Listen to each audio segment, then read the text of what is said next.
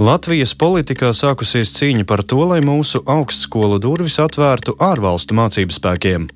Tas princips, ka, ka mēs izmantojam tikai vietējos kadrus, ir jau sen pasaulē pierādīts, ka tas ir visneefektīvākais veids. Taču pašas augstskolas tam iebilst. Bieži vien paliek ne tie jaudīgākie. Savukārt viņi rada grupu, kura tad mēģina viens otru aizsargāt. Kāpēc mūsu gudrākie prāti nevēlas konkurēt ar ārvalstu profesoriem, to pētīsim nākamajā pusstundā raidījumā Atvērtie faili. Pirmā daļa - Nobels aizlido garām. Es aizbraucu uz Tartu, eju vakarā uz kaut kādu restorānu, kaut kādu kafejnīcu pāriest. Tur ir pilns ar ārzemniekiem, pilns ar ārzemju studentiem, pilns ar kaut kādiem izciliem profesoriem lai tur divās nedēļās reizi neparādītos kaut kāda Nobela prēmijas laureāts, nu, es nedomāju, ka tāda divas nedēļas ir iespējamas. Vienmēr tur tikt uz kaut kādu lekciju, un uh, ieejot Latvijas augstskolās, tad sajūta, ka uh, visas tās lidmašīnas, kas aizved Nobela prēmijas laureātus uh, uz, uz Igauniju, uz Helsinkiem, nu, palido garām. Ja? Latviešu zinātnieks, bioloģijas doktors Indriķis Krams jau 20 gadus strādā Tartu Universitātē Igaunijā. Startautiskajos zinātnes žurnālos viņš ir viens no viscitētākajiem latviešu zinātniekiem.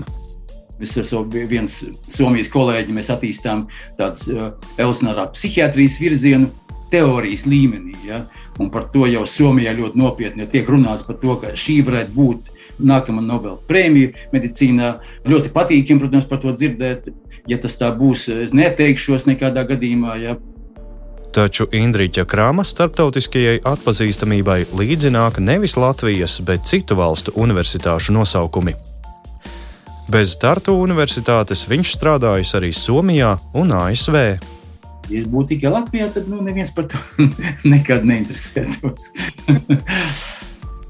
Kramam gan ir pieredze arī Latvijas augstskolās. Viņš ir Daugopils Universitātes pētnieks un Latvijas Universitātes asociētais profesors.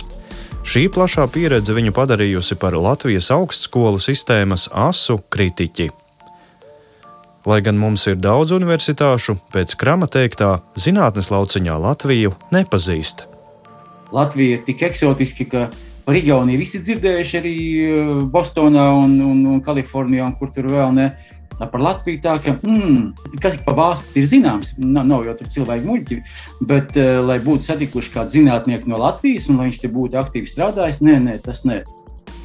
Tartu Universitāte pasaules augstskolu topos ir ap 200-300 vietu un tikusi tālāk nekā jebkura no Latvijas mācību iestādēm, kuras labākajā gadījumā grozās ap 500 vietu. Spriežot par to, kāpēc Tartu ir galvas tiesu pārāka par Latvijas universitātēm, Krams sāk ar pavisam senu vēsturi. Sava loma ir tam, ka Tartu universitāte tapa jau cariskās Krievijas laikā.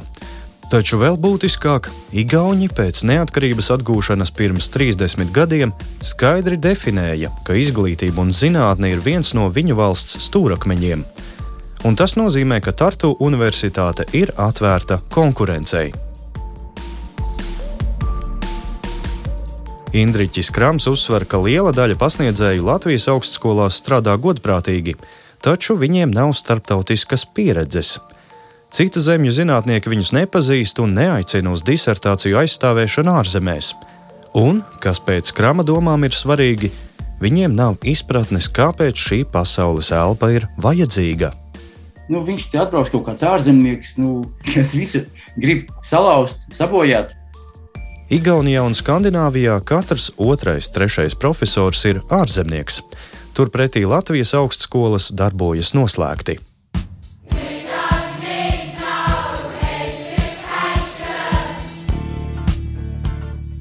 Un tas princips, ka, ka mēs izmantojam tikai vietējos kadrus, ir jau sen pasaulē pierādīts, ka tas ir visneefektīvākais veids. Jūs maksājat mazu algu, bet arī iegūstat mazu to pievienoto vērtību. Latvijā ārzemju mācību spēku uzņemšanai ir divas barjeras. Pirmā ir likums, kurš nosaka, ka ārzemnieku var pieņemt darbā tikai par vieslektoru un tikai uz laiku. Tad likumdošana mums neļauj pievienoties starptautiskajai darba dalīšanai zinātnē Otrā barjera ir finansiālā. Kad uh, pasaku kādam, es par to principā cenšos neteikt, neteikt nekam, kāda ir mana alga un kāda ir būtībā algas Latvijā nu, zinātniekiem, augstskolu pasniedzējiem, tad uh, kurš uz tādām algām nāks? Kurš Nobela prēmijas laureāts te, te atveros? Indriķis Krams uzslavēja Latvijas Universitāti, Rīgas Stradiņu Universitāti un Rīgas Tehnisko Universitāti, kuras starptautiskajos reitingos kāpj. Taču pēc viņa domām tas ir atsevišķu cilvēku nopelns. Viena liela daļa, es vienkārši skatos un nesaprotu, kā šis cilvēks varēja kļūt par profesoru. Kā viņš to dabūja gatavu? Pēc kādiem starptautiskiem standartiem viņš nevarēja to dabūt gatavu. Pasaulē ir dažādas mērauklas, kā mēra izcilību. Latvijā visa pamatā ir doktora grāts. Augstskolu likumā noteikts, ka bez doktora grāda nevar iegūt ne profesora amatu, ne pretendēt uz augstskolas administratīvajiem amatiem, piemēram, kļūt par rektoru. Un tā ir vēl viena barjera, kas Latvijas augstskolas tur aizslēgtas. Tās kļūst nepieejamas speciālistiem no gandrīz visām anglosakšu valstīm, kur ir citas prasības. Piemēram, ASV un dažviet Eiropā vairākās pētniecības jomās pieļauj profesūras amatus, kur doktora grāts nav obligāts. Pret atšķirīgo izcilības mērauklu savulaik atdūrās ārsts Uģis Gruntmanis, kurš ir profesors Amerikā bet atgriezies Latvijā pie amatiem augstskolās netika, jo viņam nav zinātnes doktora grāda. Gruntmanis, tāpat kā lielākā daļa Amerikas medicīnas fakultāšu pasniedzēju, ir ārsts, kuriem ir profesionālais doktora grāds jeb medikāla doktora. Zinātnes grāds ASV ir tikai nedaudziem mediķiem. Savukārt Latvijā, lai kandidētu uz amatiem augstskolās, nepietiek ar profesionālo doktora grādu, ir jābūt zinātniskajam. Ārvalstu universitātēs daudz lielāka loma ir citam kvalitātes kritērijam - Hirša indeksam. Tas apliecina, cik daudz zinātniekam ir publikāciju un cik bieži tās citē citi pētnieki. Latvijā, lai iegūtu profesora amatu, Hirša indeksam ir jābūt vismaz 3. ASV minimālā prasība ir 12 profesoram un 6 asociētajam profesoram. Kā vienā no savām publikācijām šopavasar norādīja Gruntmanis, tas ir pierādījums, ka kļūt par profesoru anglosakšu valstīs ir daudz grūtāk nekā Latvijā. Tam piekrīt arī bioloģijas doktors Indriķis Krams. Ar četri var kļūt par profesoru, ar četri nevar kļūt par, par, par asistentu Amerikā. Te var kļūt par profesoru. Un manējais pašlaik ir 34 tad Latvijas universitāte laikam es esmu pirmajā desmitniekā kaut kur tur. Man pavisam nesen apzina profesors Dumpis. Krams runā par Ugu Dumpi, profesoru infekciju slimībās. Skaidrs, ka Covid-19 eh, viņu citē daudz vairāk nekā man ir visiem maniem neaktuālajiem pētījumiem uz Covid-19 fona. Igaunijā es Tartu universitātē nu, esmu kaut kādā labajā, 7. vai 8. desmitā. Un tad, kad tu pasties dažu cilvēku hirša indeksus, tu saproti to, ka viņš nav zinātnīgs. Nekad tās nav bijis. Kaut gan ir, piemēram, Latvijas Zinātņu akadēmijas akadēmijas. Pasties uz, uz hirša indeksu, nav viņš zinātnīgs. viņš, karina, viņš ir labs makaronu karinātājs. Krams uzskata, ja tevi necitē, tad no zinātnes jāiet prom. Jūs varat publicēt kaut kādus rakstus, Bet, ja jūs necitējat, jūs zināt, nevienam nav vajadzīgi, tas, tas ir vis, visapkaunojošākais. Krams arī apšauba Latvijā iegūtu doktora grādu kā izcelības kritēriju. Latvijā doktorantūrai pietiek ar trim gadiem, taču pēc krāma domām tik īsā termiņā nevar uzrakstīt doktora disertāciju.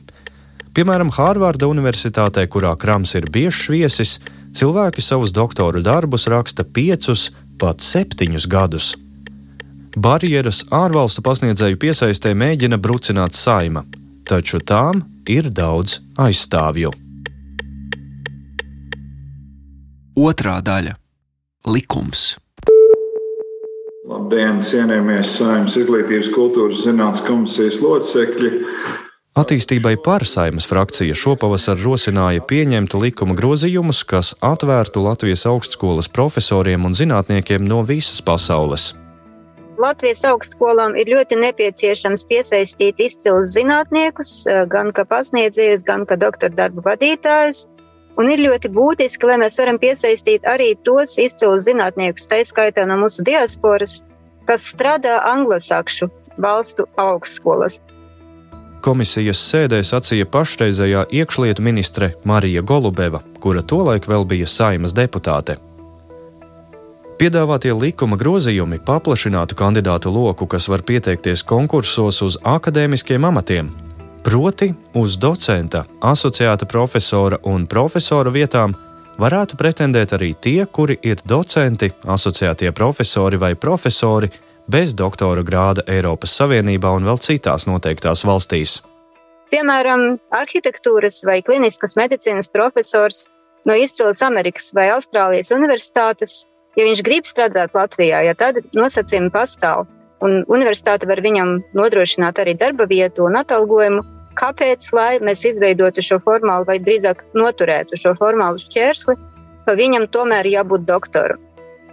Izglītības un zinātnes ministrijas augstākās izglītības departamenta vadītājs Dmitrijs Stepānovs komisijā sacīja, ka ministrija atbalsta priekšlikumu. Tolaik izglītības un zinātnes ministre bija Ilga Šuplīnska. Tomēr jau tad bija skaidrs, ka lielu sajūsmu izmaiņas augstākajā izglītībā neuzņems.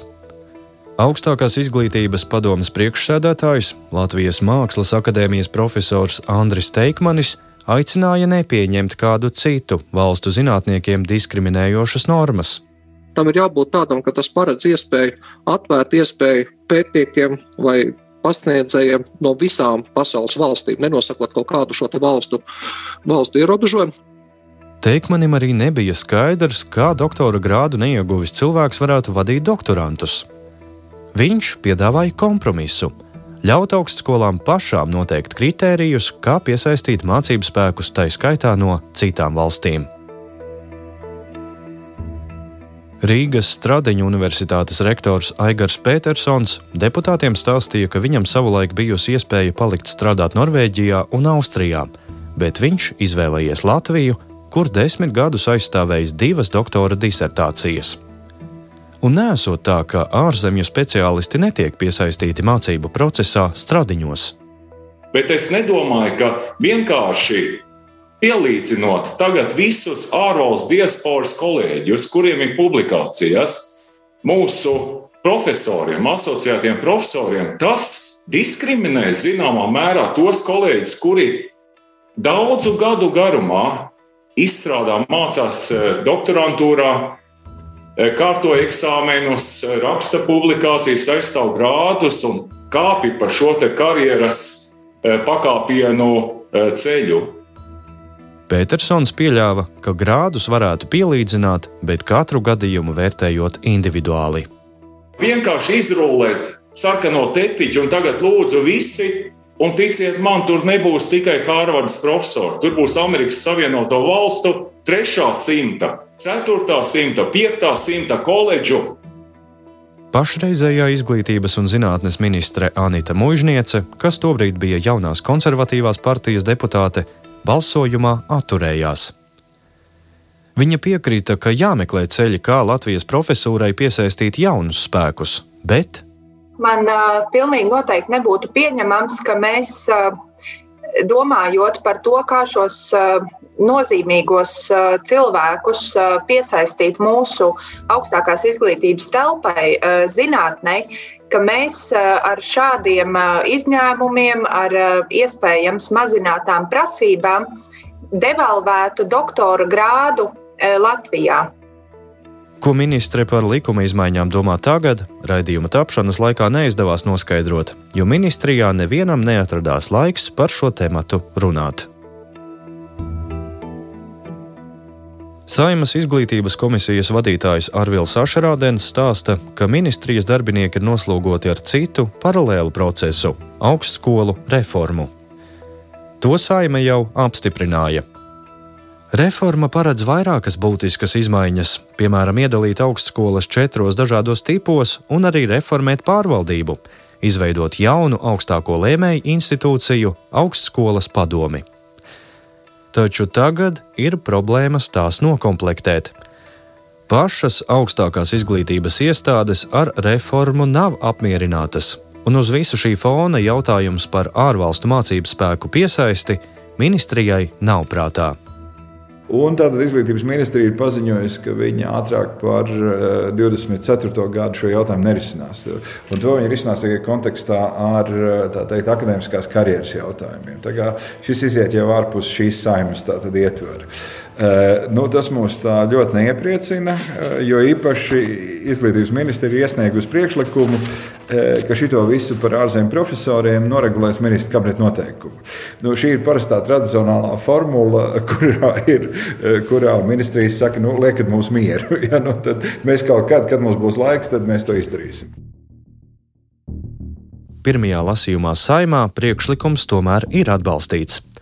Viens no tā autoriem, deputāts Aigars Bikšs, stāsta, ka otrajam lasījumam ir iesniegti vairāki priekšlikumi. Tā izskaitā no ministrijas, kas piedāvā augstskolām pašām lemt par šo kārtību. Nav jau tā, ka mēs gribam iznīcināt uh, principā, to kvalitātes uh, kontrolas sistēmu profesoriem. Mēs vienkārši cenšamies viņu padarīt uh, atvērtāku. Tā laikam. Taču starp grozījumu izskatīšanu pirmajā un otrajā lasījumā Bikše izraisīja skandālu ar publisku paziņojumu, ka Latvijas Mākslas akadēmijas rektors Kristaps Zariņš mēģinājis ietekmēt to virzību. Grozījuma dēļ Bikše saņēmis draudus savam akadēmiskajam darbam Latvijas Mākslas akadēmijā, kur viņš ir profesors. Es, es nezinu, es neko nevaru daudz stāstīt, bet es esmu iesniedzis iesniegumu arī knabi, jo es uzskatu, ka tas ir korupcijas eh, nu, sargu gadījums. Mākslas akadēmijā par šo gadījumu komentārus nesniedz. Jautājums ir nodots izskatīšanai akadēmijas šķīrei tiesā. Tikmēr Knabs secināja, ka Latvijas Mākslas akadēmijas rektors iespējams rīkojies neatbilstoši labas pārvaldības principiem, taču tas nav pietiekams pamats krimināla procesa uzsākšanai, jo deputātam par balsojumu netika piedāvāts kukulis. Arī citu noziegumu knab nesaskatīja. Tās noslēgtās sistēmas jau kaut kādā ziņā ir tādas komfortablākas tiem cilvēkiem, kas viņās ir iekšā un kas tur nodrošina vienu ievēlu, vienus, un nu, pēc tam vienu ievēlu atkal vienus. Un, un tas, tas viss ir tā kā nu, tāda droši vien nodrošina tādu pasargātības zonu, kurā tu dzīvo. Ja? Saka Bikše. Šādas te zonas pasaules eh, konkurences jūrā viņi jau nevar, eh, nevar izdzīvot. Es, es laikam atturēšos no komentāra, tāpēc, ka es neesmu bijis klāts. Komentē Ašerādens. Šajā sistēmā es, es ļoti labi saprotu akadēmisko pasauli, kurai tad, nu, tā teikt, nu, mēs sakām, nē, nē, visu laiku ir bijusi šāda sistēma, bet šī sistēma vairs nav svarīga, tad mēs rīkojamies savādāk. Ja? Eh, un es saprotu to, ka tur, nu, varētu tautas valodā teikt, sit ārā korķis, nu, kāpēc jūs pēkšņi sagāžat kaut ko, kas ir bijis svarīgs daudzus gadus. Un, ja mēs ejam šo ceļu, ja, kad nē, nē, nē, tas nav svarīgi, tev ir tas doktors vai nav, un tad mēs tevi atzīstam, eh, tad es saprotu tās uztraukumu, teiksim tā, ja? un vēlmi vēlmi teikt, to procesu apturēt. Ašerādens domā, ka izmaiņas prasīs laiku, jo augstākās izglītības sistēma ir konservatīva. Igaunijā, par kuras pieredzi dalījās Indriķis Krams, cilvēki ir liberālāki. Tur katra augstskola pati nosaka, ko atzīt par profesoru. Tā kā es gribu teikt, ka es saprotu, ka tev ir zināms spriedzes būt par šo un, un, un, un tā tālāk. Tā kā es eh, domāju, ka šī ir komisija, tiešām ir laba komisija, un mēs komisijā meklējuši risinājumus visām problēmām.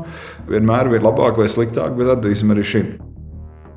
Ašerādenam radusies ideja šo jautājumu atrisināt ar profesionālās kvalifikācijas līmeņiem, kas noteikti profesionālas izglītības likumā. Piemēram, kā mākslās ir. Ja? Mēs konstatējam, ka ir kāds mākslinieks, eh, kas to var izdarīt. Nu, teiksim, tā, viņam neliek aizstāvēt akadēmisko doktora grādu, viņam pietiek, ka viņš prot to lietu darīt. Ja? Nu, lūk, un, eh, ja saima nobalso par šo astoņiem kvalifikācijas līmeņiem, tad šāda situācija var rasties arī pārējās nozarēs. Ašrādena ierosinājumu atbalsta attīstībai par pārstāvis Ilmārs Dūrītis, Viņš ir veterināra medicīnas doktors, ilgus gadus strādājis Latvijas Lauksaimniecības Universitātē. Dūrītis argumentē, ka no vienas puses, jā, nav problēma aizstāvēt grādu, ja ir vēlme. Taču jāņem vērā, ka pasaulē ir dažādas sistēmas, un medicīnas nozarē cilvēki sevi mēdz vairāk attīstīt klīniskajā jomā. Ja man jautātu par manu nozari, es esmu strādājis un vadījis fakultāti kā dekāns eh, vairāk kā septiņus gadus. Es teiktu, es būtu ļoti priecīgs, ja būtu tāds regulējums, jo mums patiesi arī ir, ir cilvēki, kas ir ļoti, nu, teiksim, sevi attīstījuši. Bet varbūt viņiem nav tieši šis doktora grāds, bet viņi ir fantastiski mācību spēku un viņus piesaistīt piemēram, fakultātei būtu izcili priekš studentiem, ja tas vien ir iespējams. Dūrītim piekrīt medicīnas profesore Santa Purviņa no Stradiņiem.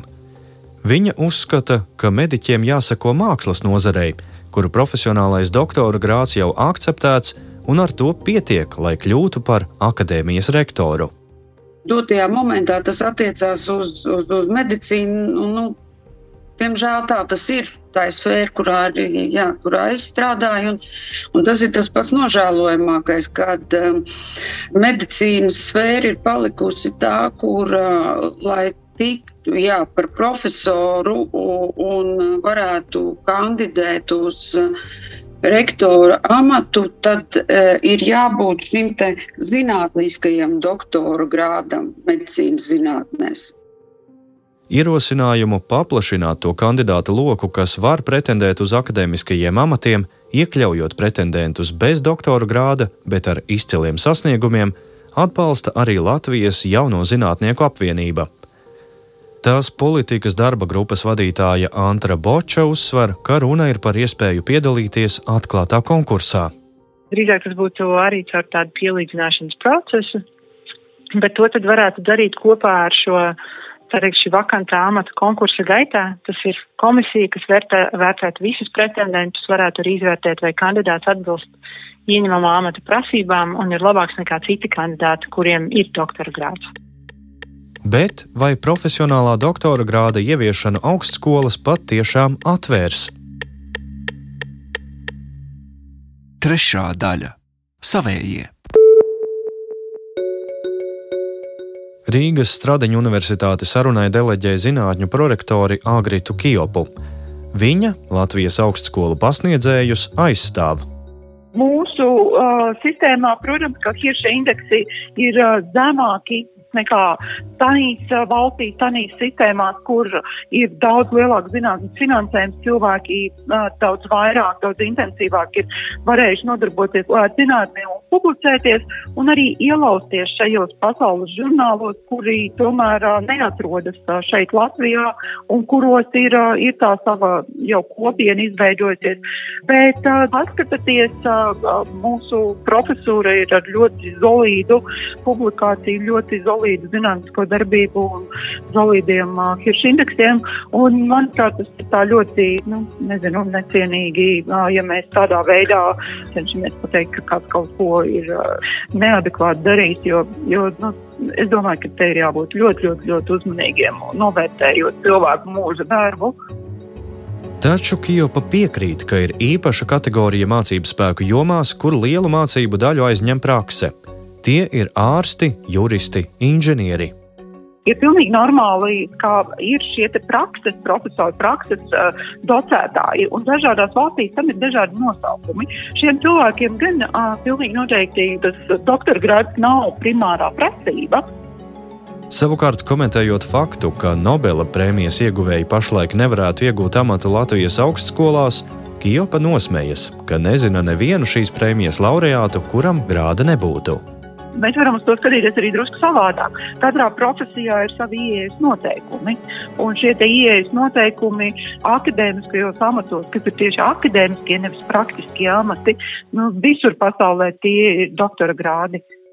Taču Latvijā arī izpildot profesijas ieejas noteikumus, ar doktora grādu durvis automātiski neatveras. Varbūt jālaiž sevi draugi, jāļauj viņiem nopelnīt, Bioloģijas doktors Indriķis Krams piemina reformas rezultātā tapušās augstskolu padomes. Uz Daugaupils Universitātes padomi viņš pat nevarēja pretendēt. Un katra augstskola varēja izveidot to nolikumu, kā viņi to padomu ievēlēs, kaut kā pa savam. Piemēram, Daugopils universitātē tur bija automātiski kaut kā tā, ka es nevarēju pat pamēģināt kandidēt. Es pat īsti neatceros, vai bija vai vispār legāli un reāli varēja kaut kādā veidā pieteikties kaut kā no malas, jo man šķiet, ka visu izvirzīja kaut kādas jau struktūras, kuras jau vada rektoram, prorektoram pietuvinātas personas, un tu nekādā veidā nevarēji nu, saka, izvirzīties.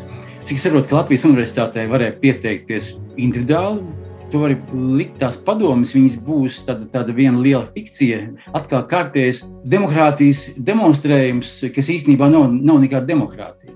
Ja tu esi kaut kāds uh, jaunietis, kas, kas ir iz, izdoktorējies kaut kur, nezinu, Lundas universitātē vai kaut kādā Amerikā, un, un kur tad viņi atgriezīsies? Viņi redz, kas notiek ar viņu vadītāju, un viņi saprot to, ka pagājušā gadsimta 90. gadi turpinās.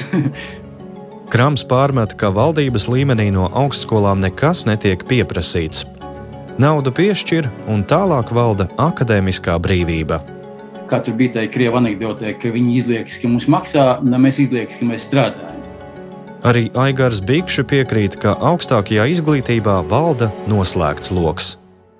Nevar arī pārmest uh, tiem cilvēkiem briesmīgi, jo, ja tev ir nu, kolēģis un tavs studiju biedrs jāievēl, vai arī viens it kā drusku varbūt labāks, bet kurš tur vēl zina, kā, cik viņš labāks ir. Ja? Un, ja tā visa sistēma ir tā, ka tu to vari darīt, nu, kāpēc tev to nedarīt? Ja tas cilvēks uh, ir izgājis tavu pašu doktorantūru, tad jau viņš tev ir uh, nu, pierasts, viņš ir jau tavs cilvēks. Ašerādens te saskata arī atalgojuma problēmu. Pasniedzēju stundas tiešām ir ļoti maz apmaksātas universitātēs. Ja? Un tajās universitātēs bieži vien paliek cilvēki, nu, teiksim, universitātēm ļoti grūti piesaistīt labākos. Tur bieži vien paliek ne tie jaudīgākie. Un, savukārt viņi rada grupu, kura tad mēģina viens otru aizsargāt, jo viņi nav daudz, doktoranti mums ir maz, alter, nu, mums nav tā, ka tajā sistēmā būtu konkursi. Ja? Labākie bieži vien izvēlās iet kaut kur citur, nevis uz augstskolām. Un, un tad dienas beigās tie cilvēki teikt, mēģina viens otru aizstāvēt. Un, un pašlaik, protams, ir, ir ja mēs mēs tagad sākam tiešām ātri iet uz priekšu, ar, mēs atrodam risinājumu, kā mēs varam piesaistīt labāku profesūru, piemēram, no citu valstu e, augstskolām. Nu, tas ir bieži vien to redz kā apdraudējumu jā, pastāvošai sistēmai. Tiesa, mazas algas ir tikai lektoriem. Tiekot amatos, tās būtiski auga. Latvijas augstskolu rektori ir vieni no vislabāk apmaksātajiem amatiem publiskajā sektorā. Piemēram, Stradiņu universitātes rektors Aigars Petersons pērn gadā universitātē saņēmis 143 tūkstošus eiro, divreiz vairāk nekā Latvijas premjerministrs. Rīgas Tehniskās universitātes rektors Leonīds Ribickis vairākos amatos augstskolā nopelnījis vēl vairāk - 161 tūkstoši eiro. Indriķis Krams netic, ka šā brīža politiskā vadība augstskolu sistēmu spēs būtiski mainīt. Ka Latvija jau ir pārvērtusies par valsti, kurā, kā es esmu definējis jau pirms gadiem, pieciem, sešiem, šī ir laba valsts, lai novecotu. Raidījumu veidoja Zane Mače, Anita Brauna, Reinis Budze un Matīs Budovskis. Atvērtie faili! Ar kādām tiesībām viņš pret maniem tā ir izturējies? Tas ir reāls. Kas notika, tas nebija normāli. Joprojām praktizējošs Latvijas ārsts. Un arī es viņam lūdzu, lai viņš pārtrauc. Kuru sievietes apsūdz seksuālā izmantošanā. Gribējās jau arī liekas, to sajūtu, kad, kad kāds pa īstam pasaka, ka tas absolūti nebija ok. Tas nedrīkstēja notikt. Mani sauc Justīne Savicka. Šo stāstu es izveidoju Latvijas radio podkāstam Dokumentārijas. Klausieties dokumentāriju radio mājaslapā, LSMLV un podkāstu lietotnēs.